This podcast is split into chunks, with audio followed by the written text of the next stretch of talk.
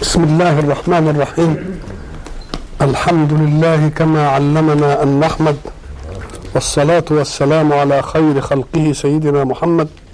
وبعد فقد وقفنا في اللقاء السابق عند الآية الثانية التي تختص بأمر الإنفاق. وقلنا إن الحق سبحانه وتعالى أراد أن يبني في هذه القضية بناء اقتصاديا اجتماعيا سليما يأتي نتيجة للتفاوت في المواهب ويأتي أيضا ليثبت للإنسان بأغيار القوة أنه قد يعجز. فإذا ما عجز ووجد من مجتمعه ما يعينه على أمر حياته فرح بمجتمعه الإيماني فرحا لا يجعل للحقد في قلبه سبيلا. ويتمنى هو بعد ذلك حينما ذاق حلاوة العطاء أن يكون معطيا. فالحق سبحانه وتعالى طمأننا بالآية الأولى على أن الصدقة والنفقة لا تنقص المال بل تزيده وضرب لنا المثل بالأرض التي تؤتينا بدل الحبة سبعمائة حبة. ثم قال وآفة الإنفاق أن يكون معه من؟ لأنه يفسد قضية الاستطراق الصفائي في الضعفاء والعاجزين. ولذلك سيقول الذين ينفقون أموالهم في سبيل الله ثم لا يتبعون ما أنفقوا منا ولا أذى. لهم أجرهم عند ربهم.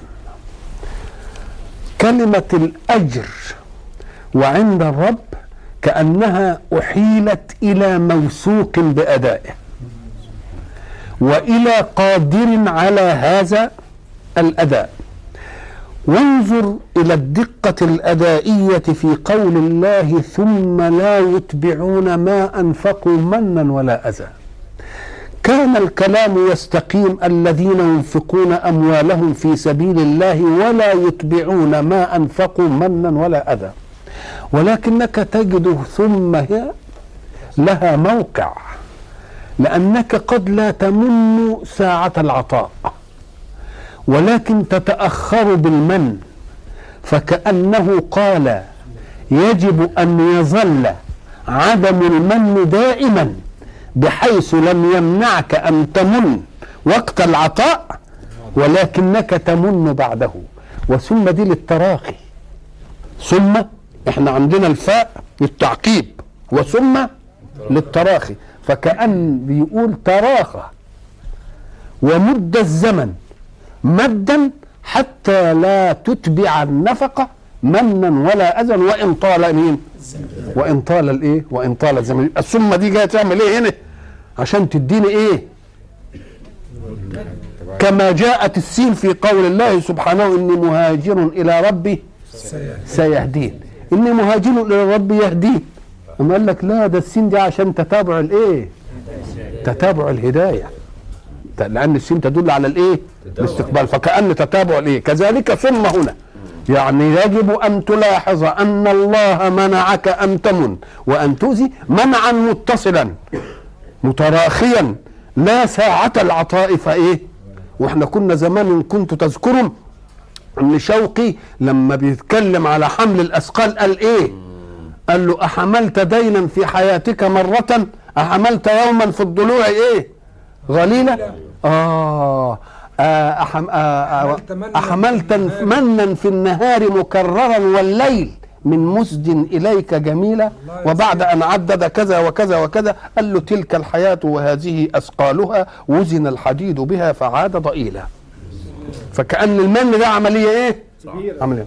فبيقول الذين لا يتبعون ما أنفقوا منا ولا أذى اطمئنوا لأن لهم أجر عند مين؟ ليه؟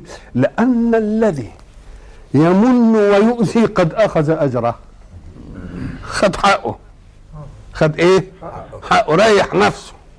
يبقى ملوش أجر عند مين؟ عند الله.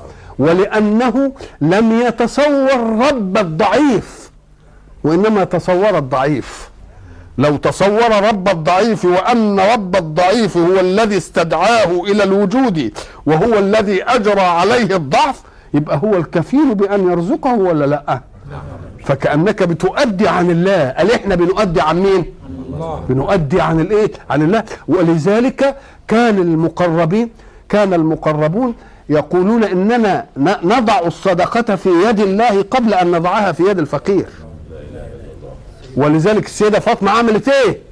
ألم تجل الدرهم وتطيبه؟ فلما سألها أبوها ماذا تصنعين؟ قالت أجل درهما وأطيبه لماذا؟ لأني نويت أن أتصدق إيه؟ أتتصدقين به مجلوا معطما؟ قالت لأني أعلم أنه يقع في يد الله قبل أن يقع في يد الفقير. آه يبقى أكن اللي عايز بقى ربنا يبقى هذا الأجر هنا. والأجر عند من يغليه. الأجر عند من يغليه. نعم. ولا خوف كلمة شوف بقى ولا خوف عليهم. لا خوف عليهم ولا لا خوف منهم. كان يعني دي تمنع الخوف منهم ولا الخوف عليهم؟ آه كأن دي في عنصر ثالث هيدخل. إيه العنصر الثالث ربما يأتي واحد آه يظهر أنه آه يحبك. يقول لك يا شيخ ما يا شيخ الداخل للأيام اللي جاي. يا شيخ ربما مش عارف إيه. يا شيخ إيه ويدخل بقى إيه؟ يقول له ما تخافش عليه. ما تخافش يعني كل واحد يوفر إيه؟ يوفر كلام. آه. ولا هم إيه؟ ولا هم يحزنون. كلمة ولا هم يحزنون معناها أنه ستأتي في تصرفات الحق معهم. ما يفرحهم بأنهم تصدقوا. إما بسرعة الخلف أو برضا النفس أو برزق السلب كما قلنا. برزق إيه؟ لأن إحنا قلنا إن آفة الناس أنهم ينظرون إلى رزق الإيجاب دائما. رزق الإيجاب يعني دخله قد إيه؟ ولا ينظرون إلى رزق السلب. ورزق السلب دي هو محط البركة. رزق السلب هب أن انسانا راتبه خمسون جنيه. وبعد ذلك يسلب الله منه مصارف تصرف منه 100 جنيه. كما قلنا يدخل فيجد ولده متعب عنده حرارة فيدخل الله المسألة على قلبه بالرضا والاطمئنان ويطلب من أم الولد أن تصنع له كوب شاي وأن تعطيه قرص أسبرين وتنتهي المسألة. ورجل آخر يدخل فيفزع ويقذف الله في قلبه الرعب. ويأتي بالخيالات والأوهام في المرض منخيه شوكيه مش عارف إيه ثم يذهب إلى الطبيب لينفق له 20 30 جنيه. ودك قضاها بقرش. سلب. اسمه رزق إيه ده؟ رزق السلب. فكما يرزق الله بالإيجاب يرزقه بالإيه؟ يرزقه بالسلب. يعني يسلب المصرف. يسلب المصرف. وفي واحد يبقى دخله 100 جنيه وربنا يجيب له مصارف تاخد منه 200 وواحد دخله 50 جنيه ويسلب الله عنه مصارف تصرف منه 100 جنيه. يبقى نقول اللي احسن آه. يبقى الناس بتنظر إلى إيه؟ آه. ولا هم يحزنون. دليل على أنه سيأتي نتيجة النفقة بدون من وبدون أذى ما يفرح. اللي يفرح ده إيه؟ يا ترى من جنس أنه يزيده بالبركة؟ أو يزيده بسلب الإيه؟ بسلب المصارف عنه. يقوم يقول يا سلام اهاديا ده بركة الصدقة اللي أنا اعطيتها مش عارف إيه. يوم إيه؟ يفرح. تصدق بشيء وربنا خد عنه إيه؟ شيء آخر كتير يقوم إيه؟ يفرح. ولا هم إيه؟ ولا هم يحزنون. وبعد ذلك ينبهنا الحق سبحانه وتعالى إلى قضية. هذه القضية إن لم تجد بمالك فأحسن بمقالك. الله. لن تسعوا الناس بإيه؟ بأموالكم. فسعوهم بإيه؟ يبقى يجي لك واحد يطلب منك حاجة يبقى قول معروف. ومغفرة خير من صدقة يتبعها أذى. خير من صدقة يتبعها أذى. ما معنى قول معروف؟ عادة تجد يقول لك المعروف والمنكر. مقابل إيه؟ المنكر. فكأن الأمر الخير أمر متعارف عليه. بالسجية كده. فكأن المتعارف عليه دائما من جنس الجمال ومن جنس الخير. والذي تنكره النفس من جنس الشر ومن جنس القبح. ولذلك يقول لك قول إيه؟ معروف. فكأن من شأن الجمال من شأن الحسن أن إيه؟ أن يكون معروفا. ومن شأن النقيض أن يكون إيه؟ منكرا. فقول معروف بأن ترده الرد الجميل بحيث لا تحفظه عليك وبحيث لا توبخه أنه إيه؟ سألك. وإذا كان قد تجهم عليك تجهم المحتاج فاغفر لهما. لأن في إنسان سياط الحاجة تلهب ظهره. ورآك أهلا لغنى أو ليسار أو جدة يمكن ي ي يعني يزود لسانه عليك شوية. لك يا أخي اديني من أنت ما أنت مش عارف إيه. برضه إيه؟ معلش. اغفر له. يبقى قول معروف منك ومغفرة له إن إيه؟ إن ألهبته سياط الحاجة. فاضطر إلى أن يتلفظ بألفاظ قد تغضبك وقد تخرجك عن إيه؟ عن طورك. قول معروف ومغفرة خير من صدقة يتبعها أذى. والله غني حليم. قال لك إذا كنت أنت بتصنع مع الله معاصي وربنا يحلم عليك ولا يعجلكش به فإذا ما إنسان صنع معك شيئا فكن أيضا إيه؟ ألا تحبون أن يغفر الله لكم؟ نحب. ما دام بنحب أن يغفر الله لنا. يبقى إذا لازم نغفر لإيه؟ وخصوصا المحتاج. وبعد ذلك حين يقول كلمة غني يعني لا تظن أن الباب الذي حرمت به الفقير لا إنما حرمت به أجر الله. يبقى أنت اللي محروم. لأن الله غني عنك. ها أنتم هؤلاء تدعون إيه؟ لتنفقوا في سبيل الله فمنكم من يبخل. ومن يبخل فإنما يبخل عن نفسه. عن نفسه. ها؟ والله الإيه؟ الغني. وأنتم الفقراء. وإن تتولوا يستبدل قوما غيركم ثم لا يكونوا أمثالكم. لأنني غني لمين غني بعبيد اللي أسخرهم لمين؟ يعني ما تفتكرش إنك أنت سديت باب الإيه؟ الرحمة. أنت منعت عن نفسك باب رحمة. إنما فيه أناس مهيئين لأن إيه؟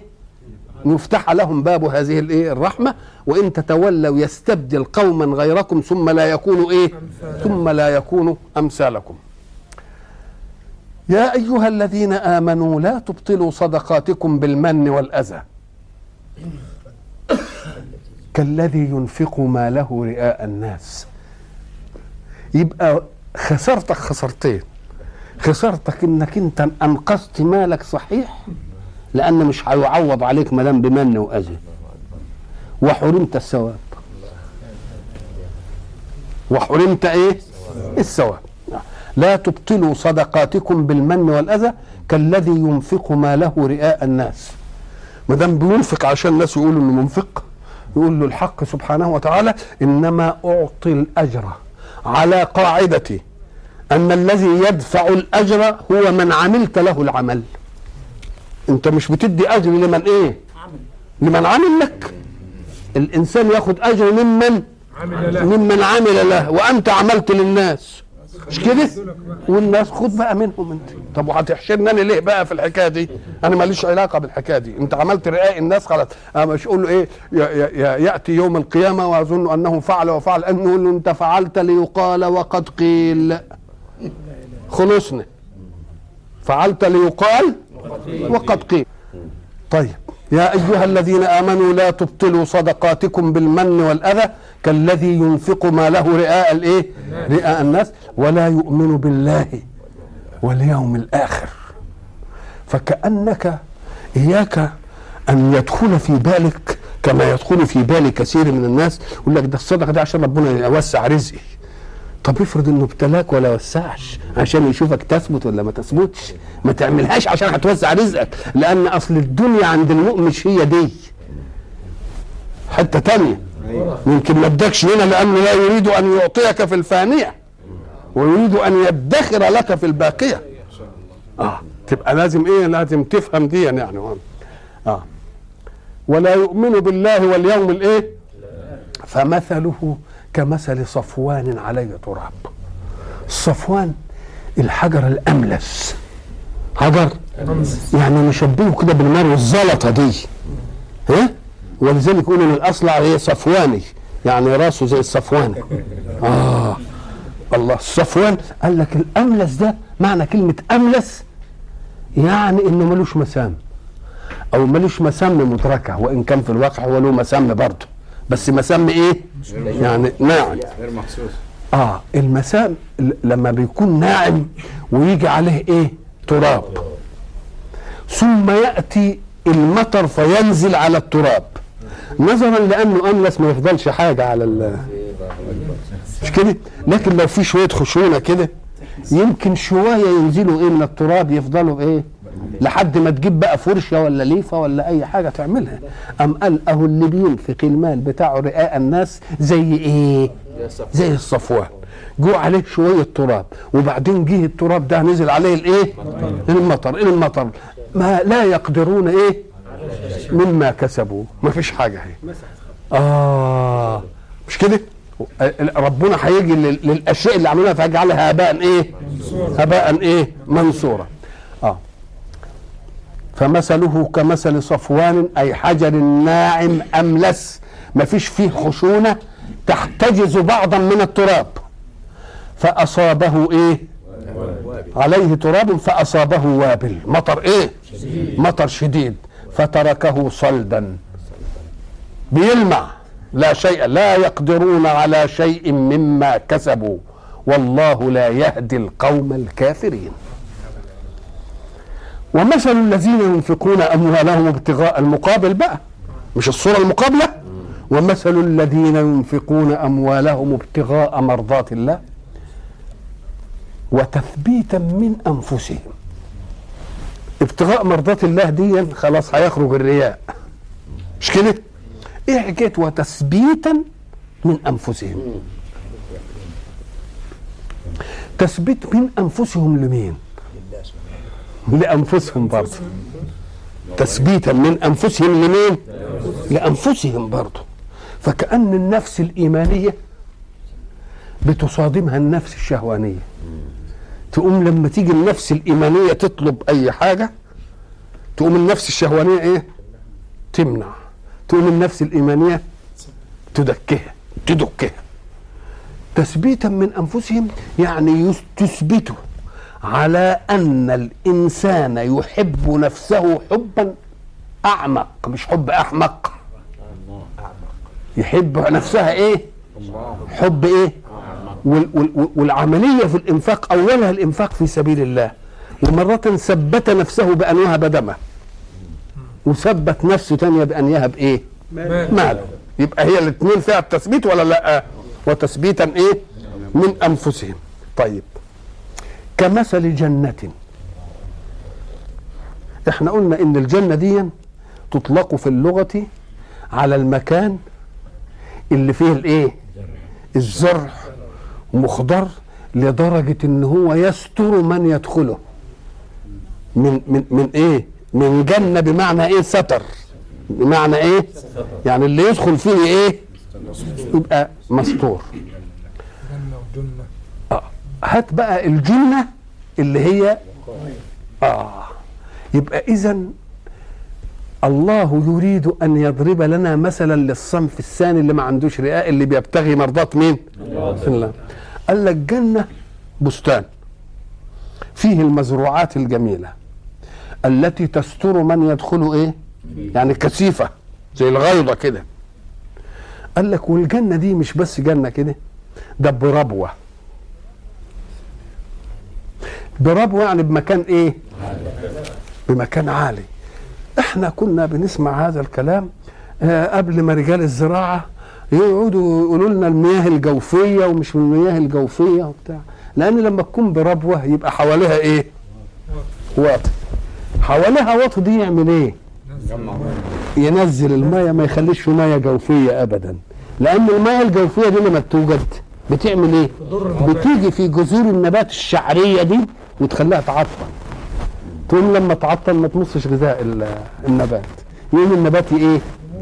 يصفر الأول وبعدين يذبل وبعدين يموت. لكن لما تكون برفع يبقى أكن لها مصارف من حواليها كلها. مش كده معناها؟ لها إيه؟ مصارف من حولها وبعد ذلك لما تكون جنه بواب عاليه كده يقوم يجي لها تنسقي إزاي؟ آه هتنسقي من المطر. المطر ده يجي لها وابل.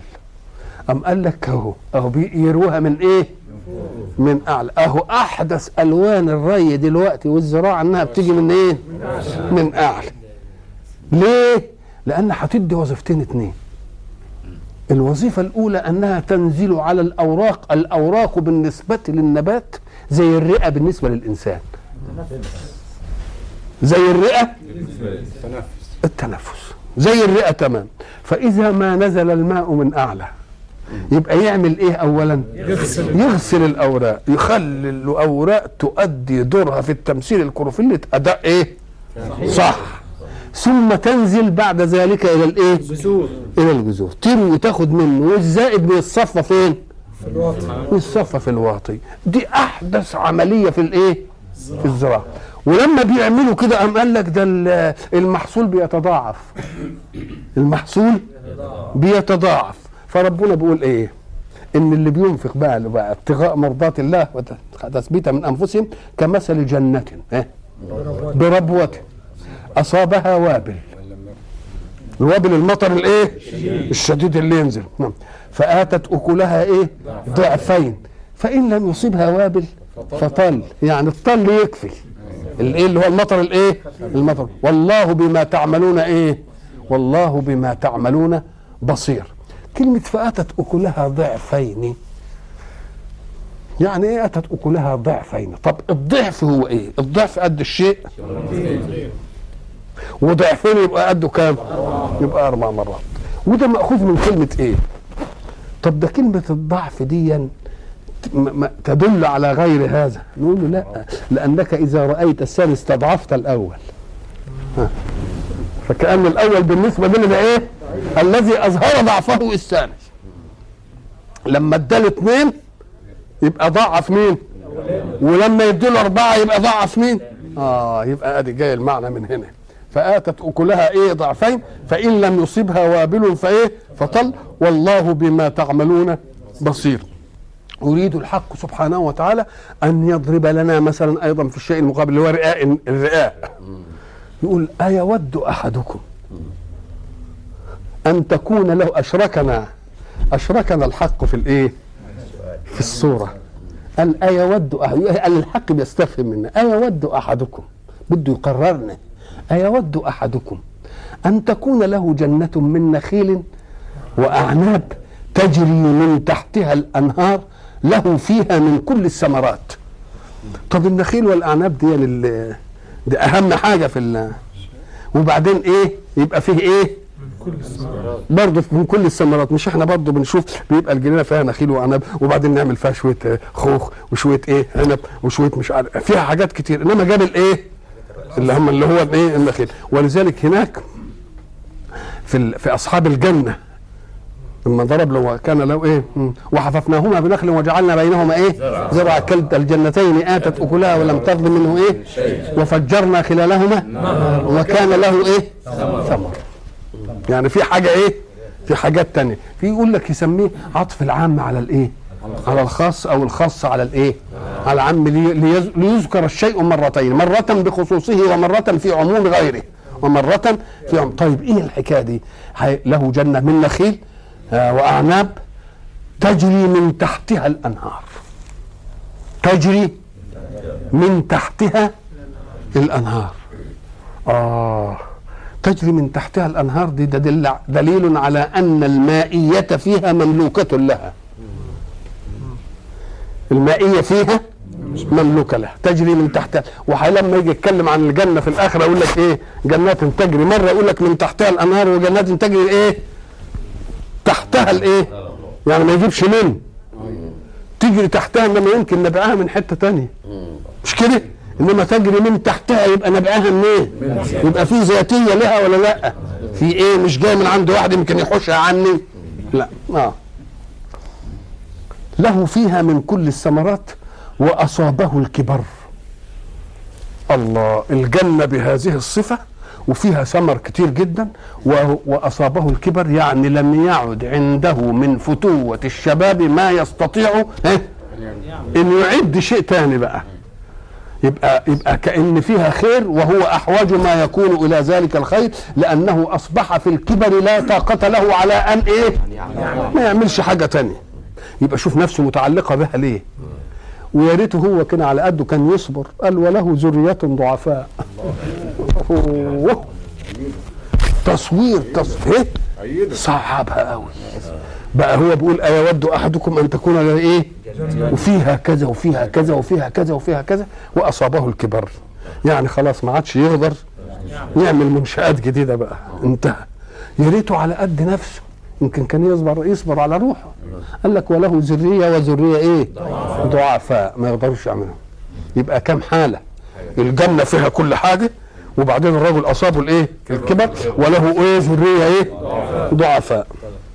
وبعدين إيه اللي حصل بقى؟ شوف بقى شوف الابتداءات المطمعة. ابتداءات إيه؟ مطمعة. يقول لك واصابه الكبر وله ذرية ضعفاء فأصابها إعصار فيه نار فاحترقت. ضاعت كلها وهو كبير وفي ذرية ضعيفة. شوف الحسره تبقى إيه. كذلك الذي يفعل رئاء الناس. يظن إنه عمل وإنه عمل وإنه عمل وإنه عمل وبعدين إذا جاءه لم يجده إيه؟ ووجد الله عنده. ما هو الإعصار؟ أنتوا طبعا فاهمين الإعصار ان الريح الإيه؟ الشديد اللي بيجي يقتلع. الإعصار ده أول صورة له اللي إحنا نسميها إيه؟ بتاعت العفريت. دوامة دي. تعمل دوامة كده تدوم كده وتطلع عمود لإيه؟ عمود لل- للسما كده لفوق. ده الإيه؟ الإعصار. والإعصار بس مش فيه تراب ده فيه إيه؟ فيه نار فإيه؟ فاحترقت. يبقى ضاعت ليه؟ أهدي لا يقدرون ما كسبوا على شيء ولا لأ. كذلك يبين الله لكم الآيات لعلكم تتفكرون. يبقى اذا كل واحد ساعة ما ينفق يفتكر المثل ده. نقول له شوف الابتداء المطمع والانتهاء الإيه؟ الميئس. لأن الابتداء لما يبقى مطمع وبعدين الانتهاء يبقى ميئس يبقى الفجيعة إيه؟ يبقى الفجيعة شديدة. يقول لك فاصبحت من ليل الغداة كقابض على الماء. ما دام قبض على الماء كده يقول لك ده خانته فروج الأصابع. راحت مضيعاه كما أبرقت قوما عطاشا غمامة فلما رأوها أقشعت وتجلت هم عطاش ولا لا؟ وشافوا الغمامة جاي قال لك "أوه، ممطرنا وبعدين ساعة ما يشوفوها كده يبقى إيه آه فكذلك الذي يرائي. يبقى يبقى يخسر حاجته وبعد ذلك لا يقدر مما كسب على إيه؟ لا يقدر مما كسب على شيء. يا أيها الذين آمنوا أنفقوا من طيبات ما كسبتم. دي بتعالج صور في المجتمعات. هذه الصور ال ال ال ما بنعملش عملية تعمية لا بنواجه المجتمع بالصور اللي يمكن أن توجد فيه. وده المجتمع ده كان في المدينة برضه. كان في الإيه؟ برضه بعض الناس كان يجيب العزق من النخلة فيه ال- البص ويعلقه في المسجد عشان اللي عايز يقوم ياكل. فيها ناس كانت تجيب الحشف والبصر اللي ما كملش نضجه ومش عارف إيه وبرضه تحطه. ويجعلون لله إيه؟ ما يكرهون. برضه المجت... ربنا بده يعالج هذه يقول انفق من طيبات إيه؟ ما كسبت آه. يا أيها الذين آمنوا أنفقوا من طيبات ما كسبتم ومما أخرجنا لكم من الأرض. ولا تيمموا الخبيث منه تنفقون. ما تجيبش الرديء رزال المال وتنفق إيه؟ منه. ولستم بآخذيه إلا أن تغمضوا فيه. قل له بالله لو إنت حد هيديه لك كنت ترضى تاخده. ما كنتش هترضى تاخده إلا إذا كنت تغمض بقى. إلا إذا كنت إيه؟ لا أن تغمضوا فيه يعني تاخدها بقى ون- أو أن أن تغمضوا فيه. يعني ما تاخدوش إلا إذا خسسوا لك الثمن يعني لو كنت رايح تشتري ويديك ده يقول له ما ترضاش تاخده. يقول لك طب هنعمله بربع الثمن ولا بنص؟ تبقى تاخده يبقى إذا كنت أنت ما تقبلوش على إيه؟ لنفسك. ما تقبلوش لمين؟ لغيرك. يا أيها الذين آمنوا أنفقوا من طيبات ما كسبتم ومما أخرجنا لكم من الأرض. والحق سبحانه وتعالى يريد منا أن يذكرنا دائما بأنه حين يقول أنفقوا من طيبات ما كسبتم أن لا تجعل الكسب هو الأصل في الرزق. ولكن الكسب دي حركة. والحركة في إيه؟ في منفعل لك بالحركة. أنت بت... أنت بتتحرك في إيه؟ أنت بتتحرك بأدوات متعددة بتتحرك بفكر يخطط. مش كده؟ وطاقة تقدر. في إيه؟ في أرض. ما فيش حاجة منهم بتاعتك. ما فيش حاجة منهم بتاعتك. إيه كلمة كسبتم دي؟ أنا بديها لكم بس عشان أحترم حركاتكم. إنما أنا اللي أخرجت من الإيه؟ أنا اللي أخرجت من الإيه؟ من الأرض. نعم. ومما أخرجنا إيه؟ لكم من الأرض. ولا تيمموا الخبيث منه أي الرديء آه تنفقون. ولستم بآخذيه إن أعطي لكم إلا أن تغمضوا فيه. واعلموا أن الله غني حميد. نعم. أراد الحق سبحانه وتعالى بعد هذه الصور؟ اللي إحنا نفهم أن النفقة تنقص قال لا ده هتزود زي السبعمية. مش كده؟ وقال ما تبطلوش الأمان بالمن والأذى وقال قول معروف ومغفرة خير إيه؟ وقال ما تعملوش رئاء الناس إذا كل آية بتعالج إيه؟ آفة من آفات الإنفاق فإن كانت آفة الشح عشان ينقص المال عالجتها الآية الأولى الآفة الثانية اللي يذهبها المن والأذى عليك الآية الإيه؟ الثانية الآية الثالثة جه رئاء الإيه؟ وأعطانا السورتين خلاص؟ وبعد ذلك الآية الآية دي بتعالج الرذال من المال. إنني أنفقه يقول لك لا أنفق الإيه؟ الطيب. مما أخرجنا لكم من الإيه؟ من الأرض. بيقول بعدين قد يأتي الشيطان ها يعدكم الفقر. إن أنتم أنفقتم. نقول له والله لو كنت أنت اللي بدينا كان يبقى الفقر مؤكد صحيح. صحيح. لو كنت أنت اللي بتديني كان يبقى الفقر مؤكد صحيح. الشيطان يعدكم الفقر. يعدكم الفقر. ويأمركم بالفحشاء. إيه يأمركم بالفحشاء؟ لأنك حين تقبض يدك عن المحتاج أدخلت في قلبه الحقد. وما دام قد دخل في قلبه الحقد أي مجتمع يدخل في قلبه الحقد كل المنكرات تأتي فيه. ولذلك الحق سبحانه وتعالى حين عالج هذه المسائل يقول إنما الحياة الدنيا لعب وإيه ولا. وإن تؤمنوا وتتقوا يؤتكم أجوركم ولا يسألكم أموالكم. ما يقولكش هات المال اللي أنت إيه؟ إن يسألكموها فيحفكم تبخلوا ويخرج أضغانكم. وما دام يخرج الضغن في المجتمع يبقى على المجتمع السلام. ولا يمكن أن يبرأ المجتمع أبدا. إلا بضربة قوية بقى تخلي الإنسان إيه؟ يفوق وينفض نفسه من هذه الإيه المسألة. الشيطان يعدكم الفقر ويأمركم بالفحشاء والله يعدكم مغفرة منه وفضلا والله واسع عليم. فمن استمع إلى وعد الشيطان ولم يستمع إلى وعد الله يبقى كمن رجح عدو الله على الله. يؤتي الحكمة من يشاء. تأتي هنا كلمة الحكمة. ما هي الحكمة؟ الحكمة هي وضع الشيء في موضعه النافع. فكأن الله يقول كل ما أمرتكم به هو عين الحكمة. ليه؟ لأنني أريد أن أؤمن حياتكم الدنيا في من تتركون من الذرية الضعفاء وأؤمن لكم سعادة الآخرة. فإن وضعت هذا يبقى الوضع بتاع الإيه؟ حكمة ده الوضع بتاع الإيه؟ الحكمة.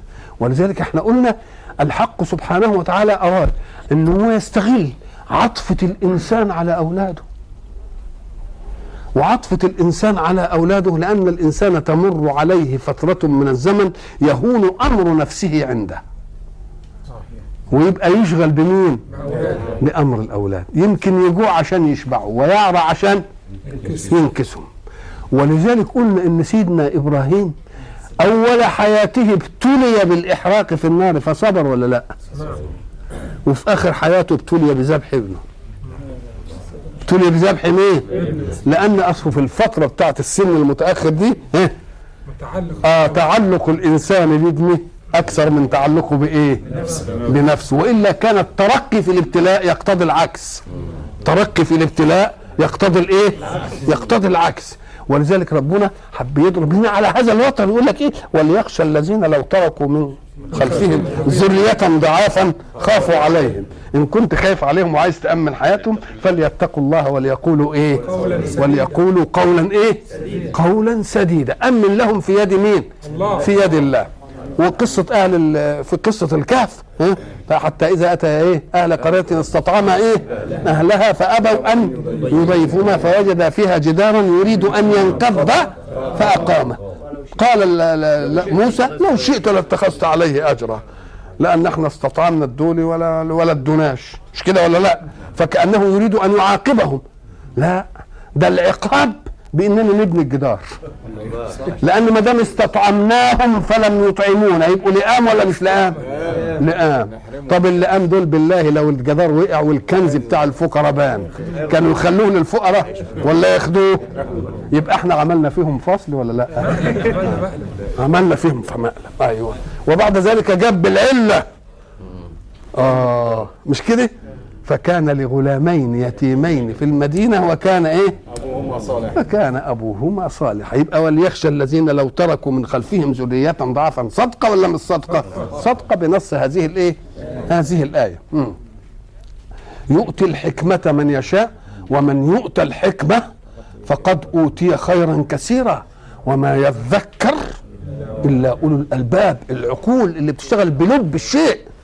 ولذلك مثلا سيدنا الحسن البصري آه، آه، ادانا الفكرة في هذه المسألة. ادانا الفكرة في هذه المسألة. كان لما يدخل عليه واحد يريد منه شيئا ما هو بيضع الحكمة.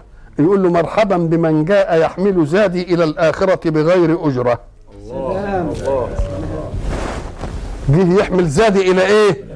إلى الآخرة بغير أجرة. بيشتروا لي كده يوديه للآخرة. يودوه للإيه؟ يا يودوه للآخرة. تبقى دي حكمة ولا مش حكمة؟ آه حكمة. يؤتي الحكمة من يشاء ومن يؤتى الحكمة فقد أوتي خيرا كثيرا. ليه؟ لأن بينظر إلى الخير لا بمقدار زمنه ولكن بمقدار ما يعود عليه بعد الزمن. نعم. وما يذكر إلا أولو الألباب. إحنا قلنا مثلا التلميذ الذي يجد في دروسه ويتعب وينصب ويسهر الليل وهو إلى آخره. ويمكن يقعد يأكل وال- والكتاب في إيده. بيشقى ولا ما بيشقاش؟ عشان إيه؟ عشان حاجة هتحصل بعد كام سنة. آه يبقى ده حكمة ولا مش حكمة؟ طب وأخوه الذي يؤثر أن يلعب وأن يلهو. نقول له هو حب لنفسه الراحة. حب لنفسه الراحة. إنما هيريح نفسه قد إيه إن شاء الله؟ آه. كم سنة؟ وبعدين يبقى صعلوك من صعاليك المجتمع ولا لأ؟ يبقى ما اوتيش الحكمة. يبقى الحكمة وضع الشيء إيه؟ في في محل في موضع. وما أنفقتم من نفقة أو نذرتم من نذر فإن الله يعلمه فإن الله وما للظالمين من أنصار. إيش حكاية من الظالمين مقابلة لدي؟ ما أنفقتم من نفقة أو نذرتم من نذر النذر ده أن تلزم نفسك شيء بشيء من جنس ما شرع الله فوق ما شرع الله. يعني إذا نظرت إنك أنت تصلي لله مثلا كل ليلة مثلا كذا ركعة من جنس ما شرع الله ولا لأ؟ أنه شرع الصلاة. لكن فوق ما شرع الله ولا لأ؟ النذر ده بيقال فيه أن الذي ينذر شيئا من جنس ما شرع الله فوق ما شرع الله دليل على أن العبادة حلت له. ودليل على أنه قارب أن يعرف قدر ربه. وأن ربه يستحق منه فوق ما افترضه عليه. فكأنه في افتراضه رحيم. لو فرض ما يستحق قدره كان يبقى إيه؟ يبقى شيء كتير. يبقى إذا لما تنزل معناها إيه؟ إنك تلزم نفسك بشيء من جنس ما شرع الله لك فوق ما شرع الله لك. والنذر أنت حر أن تفعله أو لا تفعله. ولكن إذا نطقت به فقد لزم. إذا نطقت به فقد لزم. بقى واجب عليك لأنك أنت اللي ألزمت بايه آه أنت اللي ألزمت به إيه؟ ولذلك من العقل إن الإنسان ما يبقاش يتورط وهو يعني تاخ- تاخده الشهامة كده في مرة ويقعد يصرف في الإيه؟ لأنه ساعه ال ساعة ال ال ال الأداء يمكن ما يقدرش وبعد ذلك ساعة الأداء ما يقدرش يبقى نقول له أنت جربت ربك فلا فلم تجده أهلا لاستمرار الود أعوذ بالله. فمن الأحسن أنك أنت إيه؟ تت... آه تتريث شوية. نعم. فإن الله يعلمه وما للظالمين من أنصار. الذين يظلمون إيه؟ يعني مين الظالمين؟ آه الظالمون لأنفسهم. ليه؟ لأنك أنت مدام ظلمت نفسك. آه يبقى هذا هو أشد الإيه؟ لأن ما يترتب عليك من الجزاء في الآخرة إنما نتيجة إيه؟ ما ظلمناهم. ولكن الناس أنفسهم إيه؟ أنفسهم يظلمون. إن تبدوا الصدقات فنعم ما هي. تبدوها أي تظهروها. أبديت الشيء أي إيه؟ أظهرته. إن تبدوا الصدقات فنعم ما هي. نعم ما فعلتم أن تبدوها. وإن تخفوها وتؤتوها الفقراء فهو خير لكم.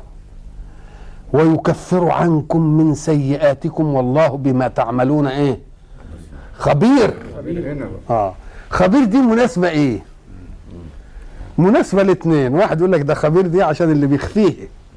عشان اللي يقول لا ده واللي بيبديها برضه خبير. لأنه بيبديها بنية إيه؟ تبقى تقلده بيبديها بنية إيه؟ يبقى بعضهم يأخذ التزييل في الآية ليخدم قضية ويترك القضية الأخرى. نقول له لا التزييل في الآية جاي للاثنين جاي؟ لأن لا الإبداء في ذاته. هيعطي الخير ولا الإخفاء في ذاته هيعطي الخير ولكن النية في الإبداء والنية في الإخفاء هي الخير. قال لك إذا كان غني لازم يبدي الصدقة حتى يحمي عرضه من وقوع الناس فيه. يحمي عرضه من وقوع. لأن الناس الذين علموا غناك لا بد أن يعلموا إنفاقك. وإلا فقد حسبوا عليك الغنى. ولم يحسبوا آه ولم يحسبوا لك النفقة. شوف ربنا بده يحمي أعراض الناس من الناس. يحمي أعراض الناس من الناس. من الناس طب فإن كنت غير ظاهر الغنى ما حدش أنت مدكن الحكاية ولا حدش عارف إنك غني. أما لك أهو لما تخفيها يبقى هنا كويس. لما تخفيها يبقى إيه؟ يبقى هنا إيه؟ كويس. فإن كنت تبديها ليتأسى بك الناس وليس في ذهنك أن تكون مرائيا. يبقى الله بما تعملون إيه؟